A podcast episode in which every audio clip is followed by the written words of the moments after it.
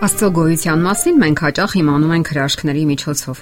Կարելի ասել նաև, որ Աստվածային ցանկացած միջամտություն մարդու կյանքում հրաշք է։ Հավատալ հրաշքներին նշանակում է ընդունել Աստծո ներկայությունը եւ այն գործողությունները, որոնց բացատրությունն այս պահին մենք անկարող ենք տալ, սակայն որոնք ընդունում ենք հավատքով։ Ամենամեծ հրաշքներից մեկը, որ տեղի է ունեցել մարդկության պատմության մեջ, Կարմիր ծովը ճեղքերն էր։ Մովսեսը կանգնել էր Կարմիր ծովի մոտ, սпасելով Աստվածային հրահանգին, երբ լսեց Աստծո ձայնը. «Ասա Իսրայելի որդիներին, որ չվեն, եւ դու գավազանդ բարձրացրու եւ ձեռքդ մեկնիր ծովի վրա եւ ճեղքիր այն, եւ Իսրայելի որդիները ծովի միջով ցամաքով գնան»։ Առաջին հայացքից այս հրամանը հումորային է թվում, այնպես չէ՞, իսկ միգուցե անհեթեթություն Որ հրամանատարը կլսեր առաջին հայացքից անհեթեթ թվացող այսպիսի հրամանը։ Ով կվտանգեր իրեն վստահված հազարավոր զինվորների կյանքը։ Սակայն Մովսեսը սովորել էր վստահել Աստծուն։ Նա վստահորեն բարձրացրեց իր գավազանը եւ ծովը նահանջեց եւ տեղի ունեցավ հրաշքը։ Հսկա բազմությունը անցավ ճեղքված ծովի միջով, ինչպես ցամաքով։ Ինչպես կարող ենք բացատրել այս արտառոց երևույթը եւ այնուամենայնիվ դա իրականություն է։ Այսօր մենք անցնում ենք հավատքի մեր ուղին, ճեղքում ենք կարմիր ծովի մեր դժվարությունների հսկայական ալիքները։ Մենք հաղթահարում ենք կենսական դժվարությունների, փորձությունների ու ցավերի հսկայական ծովը։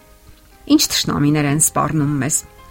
մենք էլ պետք է բարձրացնենք հավատքի գավազանը, հավատանք Աստծուն եւ կնահանջեն մեր բոլոր դժվարություններն ու արգելքները եւ մենք կքայլենք դեպի ավետյաց երկիր։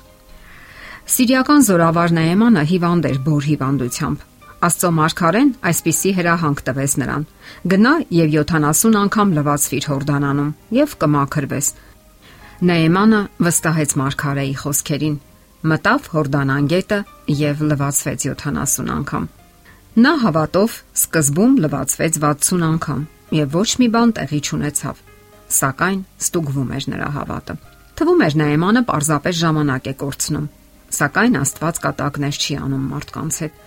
Գուցե մարդիկ ծիծաղեն մեզ վրա, ծաղրեն մեզ մեր հավատի համար։ Մենք չպետք է նահանջենք եւ կորցնենք մեր վստահությունն ու հույսը։ Ահա թե ինչու Նայեմանը լվացվեց նաև 70-րդ անգամ եւ տեղի ունեցավ հրաշքը բորոտը բժշկվեց։ Նեյմանի համար նոր կյանք սկսվեց, նոր հույսերի եւ նոր հնարավորությունների կյանք։ Սա կարող է տեղի ունենալ բոլորիս հետ։ Մենք անընդհատ անցնում ենք հավատի մեր կարմիր ծովը։ Կարևորն այն է, որ չնահանջենք եւ ավելի ու ավելի ամրացնենք մեր թուլացած ծնկները, չհուսահատվենք եւ չհիասթափվենք։ Երբ թվում է ամեն ինչ կորած է եւ ոչինչ տեղի չի ունենալու, նորից ու նորից կատարենք մեր քայլը ու վստահենք հրաշքը անպայման տեղի կունենա։ Հիշենք Կույրին, Հաշմանդամին, Բորոտին։ Նրանց հավատքն ու վստահությունը հրաշքներ արարեց։ Ճշմարիտ հավատը անկասկածելի վստահությունն է։ Շատ մարդիկ չեն անցալում հավատի իսկական իմաստը։ Հավատը մարդու ուղեղի հատկությունը չէ, ոչ էլ կախարդական փայտիկի շարժում։ Հավատը Աստծո կամքը մեր կյանքում ընդունելն է, որը մեզ տալիս է լավագույնը։ Երբ Պույրը գնում էր դեպի լողավազան, դեռևս չէր տեսնում, բայց նա արդեն վստահել էր Աստծուն։ Հիշենք, որ Հիսուսը հավատը համեմատում է մանանեխի սերմի հետ։ Հավատի չնչին քանակն անգամ ընդունակ է սարեր տեղաշարժելու, բայց մենք երբեմն մի ավազահատիկ անգամ չենք կարողանում տեղաշարժել։ Ինչի մեջ է խնդիրը։ Որն է խնդիրը։ Աստվածաշունչը սովորեցնում է, որ հավատը վստահությունն է։ Սակայն ինչ որ մեկին վստահելու համար անհրաժեշտ է նախ ծանոթանալ այդ մարդու հետ, ճանաչել նրան։ Չի կարելի վստահել անծանոթ մարդկանց։ Պատկերացրեք, կանգնած եք ավտոբուսի կանգառում։ Հանկարծ ձեզ է մոտենում մի անծանոթ մարդ։ Նա անընդհատ հետ ու առաջ է նայում եւ վախեցած հայացք ունի, կարծես ինչ որ մեկը հետապնդում է նրան։ Նրա ձեռքին մի փաթեթ կա եւ նա խնդրում է, որ դուք թաքցնեք այն։ Կհամաձայնեք արդյոք։ Իհարկե ոչ։ Գուցե այդ փաթեթի մեջ թմրանյութ է կամ գողացված իր։ Այդ դեպքում դուք մասնակից կլինեք նրա հանցագործությանը։ Իսկ եթե անծանոթի փոխարեն ձեր հայրը խնդրեր, որ պահեք փաթեթը, դուք իհարկե կվստահեիք նրան։ որովհետև ճանաչում եք եւ վստահ եք, որ ձեր հայրը երբեք վնաս չի տա ձեզ։ Ուրեմն, վստահելու համար հարկավոր է ճանաչել։ Իսկ դա մի հանդիպումով հնարավոր չէ։ Հնարավոր չէ ճանաչել Հիսուսին առանց նրա հետ ապրելու, շփվելու։ Իսկ շփվել նշանակում է ժամանակ անցկасնել նրա հետ։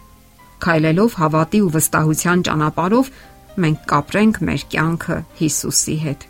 հրաշքների կյանքը՝ լի ամենօրյա նոր փորձառություններով։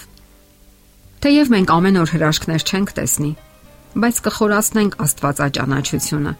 կհեշտացնենք դեպի ավետյաց երկիր տանող մեր ճանապարհը։ Եվ բոլորովին պարտադիր չէ, որ ամեն օր հրաշքներ տեղի ունենան մեր կյանքում, որովհետև մեր կյանքը արդեն իսկ հրաշք է։ Աստված գիտի, թե ինչն է լավ եւ օգտակար մեզ համար մեր երջանկության համար եւ որ ամենակարևորն է մեր հավերժական փրկության համար։ Եվ այդ ամենը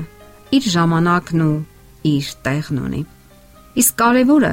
Աստծո հետ փոխհարաբերությունները չդադարեցնելն է, անverջ շարունակելն է։ Դա է ամենամեծ հրաշքը այս ժամանակավոր երկրի վրա, որն արդյունքում դեպի հավերժություն է տանում։ Դե ի՞նչ։ Դուք սպասում եք հրաշքների, որոնեք այն ձեր կողքին եւ ձեր ներսում։ Աստված է ամենամեծ հրաշքը։ Նա է, որ վերափոխեց ձեր կյանքը եւ անհավատությունից դեպի փրկության ուղի առաջնորդեց։ Նա խոստացել է փրկել նրանց, ովքեր քայլում են հավատքի ու փրկության հույսով եւ Աստծո խոստումներով։ Իսկ նա իր խոսքի տերն է։ Եթերում ղողանջ հավերժության հաղորդաշարներ։ Ձեզ հետ է Գեղեցիկ Մարտիրոսյանը։ Հարցերի եւ առաջարկությունների դեպքում զանգահարեք 094 08 2093 հեռախոսահամարով։ Հետևեք մեզ hopmedia.am հասցեով։